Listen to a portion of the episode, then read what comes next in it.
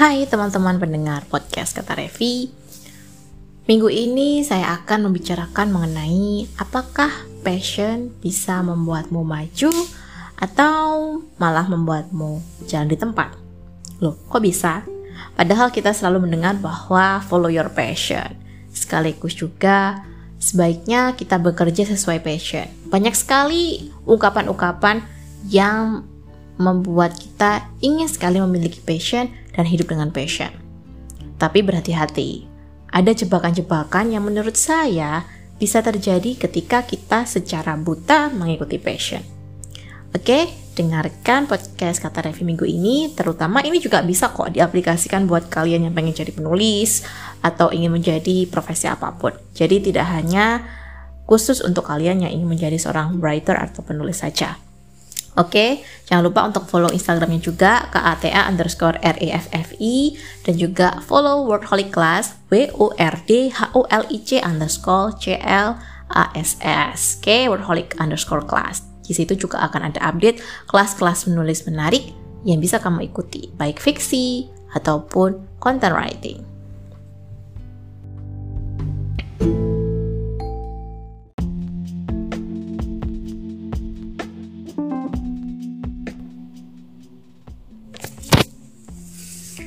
Don't follow your passion. Saya pernah membuat konten reels yang juga membahas ini. Kenapa saya bahas lagi? Karena ada beberapa pertanyaan yang masuk. Jadi ada teman-teman penulis yang heran kenapa kok saya bisa tetap tahan lama gitu ya untuk menjadi seorang penulis freelance. Jadi ya saya membangun karir penulis saya, kemudian sekarang juga merambah sebagai seorang writing coach saya juga tetap bekerja di kantor. Kalau ngomongin passion, mereka juga bilang, kenapa nggak fokus nulis aja kak? Kan passionnya di situ. Bahkan Kak Revi lebih dikenal sebagai seorang penulis dan sekaligus penerjemah daripada seorang pegawai kantoran. Alasannya, saya langsung ngomong begini ke teman saya ini. Ya bilang, ya karena memang saya suka sama pekerjaan saya sekarang, lingkungannya sangat membantu, tidak pernah lembur, jarang banget sih yang namanya lembur. Saya tetap bisa menggunakan bahasa Jepang saya dengan baik setiap hari, tidak lupa. Kemudian sangat suportif, orang-orangnya juga enak. Dan saya memang masih butuh untuk membiayai hidup saya sendiri dan sesekali membantu orang tua. Jujur aja, kalau cuma ngandelin nulis, kadang ada kalanya saya bisa mendapatkan fee yang sampai katakanlah mendekati gaji saya yang utama di pekerjaan yang sekarang. Tapi kadang-kadang ada juga yang kalau dihitung juga mungkin cuma ya sepertiga atau seperempatnya. Jadi belum masih fluktuatif, bisnisnya itu masih belum yang memberikan penghasilan stabil gitu ya sebagai seorang penulis. Cuma memang saya sudah mendapatkan income yang lumayan banyak sebagai side hustle. Kalau ngomongin passion, memang sebenarnya saya nggak terlalu suka sih. Kayak misalnya kerja di tempat yang mungkin banyak sekali rules dan lain-lain. Tetapi ketika saya merasakan ketidakcocokan dengan pekerjaan nah saya alami nih di pekerjaan yang pertama. Saya nggak bisa menjalankan hobi saya dengan baik karena setiap pulang kantor pengennya buang stres dan akhirnya ke mall. Bukannya nulis malah buang-buang duit. Tabungan juga cuma seuprit. Itu adalah beberapa hal yang saya alami dan saya nggak menyesal sih karena dari situ saya tahu gitu ya gimana caranya mengelola stres dan juga keputusan untuk keluar dari lingkungan yang memang sudah tidak suportif buat saya dan juga buat mental health. It was a big decision, sebuah keputusan besar pertama. Hmm, kayaknya bukan pertama sih. Yang salah satunya sih ya keputusan untuk mutusin orang yang sebelumnya dekat dan ternyata memang nggak bagus buat mental health saya. Ya salah satu ex lah ya, off the record.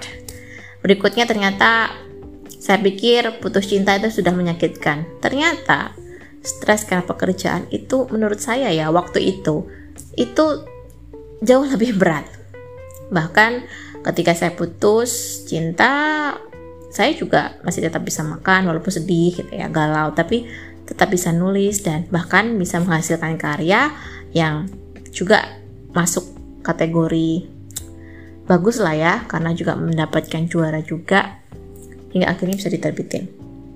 Berbeda dengan ketika saya bekerja, saya sangat menyukai pekerjaan saya, tetapi lingkungannya nggak suportif. Efeknya, saya jadi melihat laptop itu jadi males, kemudian beraktivitas itu rasanya ogah-ogahan, everything is like a hell. Jadi kayak sedih gitu ya. Kenapa ya? Padahal sebenarnya kalau dibilang gaji juga cukup bagus ya waktu itu sebagai seorang fresh graduate. Tapi ya sudahlah itu masa lalu. Akhirnya saya putuskan ya sudah walaupun saya suka sama pekerjaan ini, saya harus pindah. Dan akhirnya saya memutuskan untuk pindah ke pinggiran kota saya memang sengaja mencari kota kecil yang bahkan mall aja atau department store itu nggak ada gitu di sini. Yang banyak itu warteg. Restoran-restoran besar juga nggak banyak. Tapi saya bisa melihat pegunungan, saya juga nggak terlalu kena macet, dan juga rasanya peaceful aja sih di tempat yang baru. Dan ternyata memang pilihannya benar. Lingkungan pekerjaan saya sangat sportif, orang-orangnya seperti keluarga, dan memang saya memutuskan untuk pindah ke perusahaan yang lebih kecil. Saya udah nggak mau lagi sih kena drama-drama di perusahaan yang lebih besar kayak gitu. Ternyata ini adalah keputusan yang benar. Karena saya memilih lingkungan yang tepat, saya bisa melanjutkan passion. Kalau dipikir-pikir, misalnya waktu itu saya langsung gitu ya, uh, terjun sebagai full time writer misalnya atau freelancer yang cuma nulis aja mungkin stres saya nggak akan selesai apalagi setelah itu beberapa tahun kemudian ayah saya pensiun uh, dan juga pastinya kebutuhan di rumah juga akan sangat berbeda saya juga jadi perlu untuk membantu beberapa bagian yang harus dibayar untuk kebutuhan rumah seperti listrik gitu ya dan itu nggak masalah sih buat saya karena bagi saya, orang tua itu sudah memberikan banyak hal yang bahkan kita sendiri nggak akan bisa membalasnya seumur hidup. Jadi kalau cuma ikut berkontribusi beberapa hal di rumah sih, it's okay. Nah makanya kenapa saya pikir ya udah saya tetap bekerja dan saya ingin tetap membangun passion, tapi dengan perasaan yang sudah lebih stabil dan sudah healing. Dan memang saya sadar juga bahwa kalau cuma nurutin passion, mungkin saya nggak akan menjadi writing coach seperti sekarang. Mungkin saya akan tetap menjadi seorang penulis yang nggak tahu mau ke mana arahnya. Saya juga masih menjadi seorang penulis yang angin-anginan gitu ya, nggak tahu arahnya ke mana, goalnya seperti apa. Ketika kita membangun passion, kita juga harus memiliki strategi. Jadi yang pertama, kalian juga harus punya safety net. Entah kalian kerja kantoran, entah kalian itu bisnis online atau whatever it is. Yang penting kalian tidak hanya mengandalkan passion kalian, terutama kalian yang baru membangun passion tersebut. Yang kedua, kalian juga harus punya tabungan. Jadi jangan mikirin investasi dulu deh kalau kalian belum punya dana darurat. Dan itu terbukti ketika saya sempat ketipu gitu ya, padahal dana tersebut dibutuhkan untuk membayar freelancer.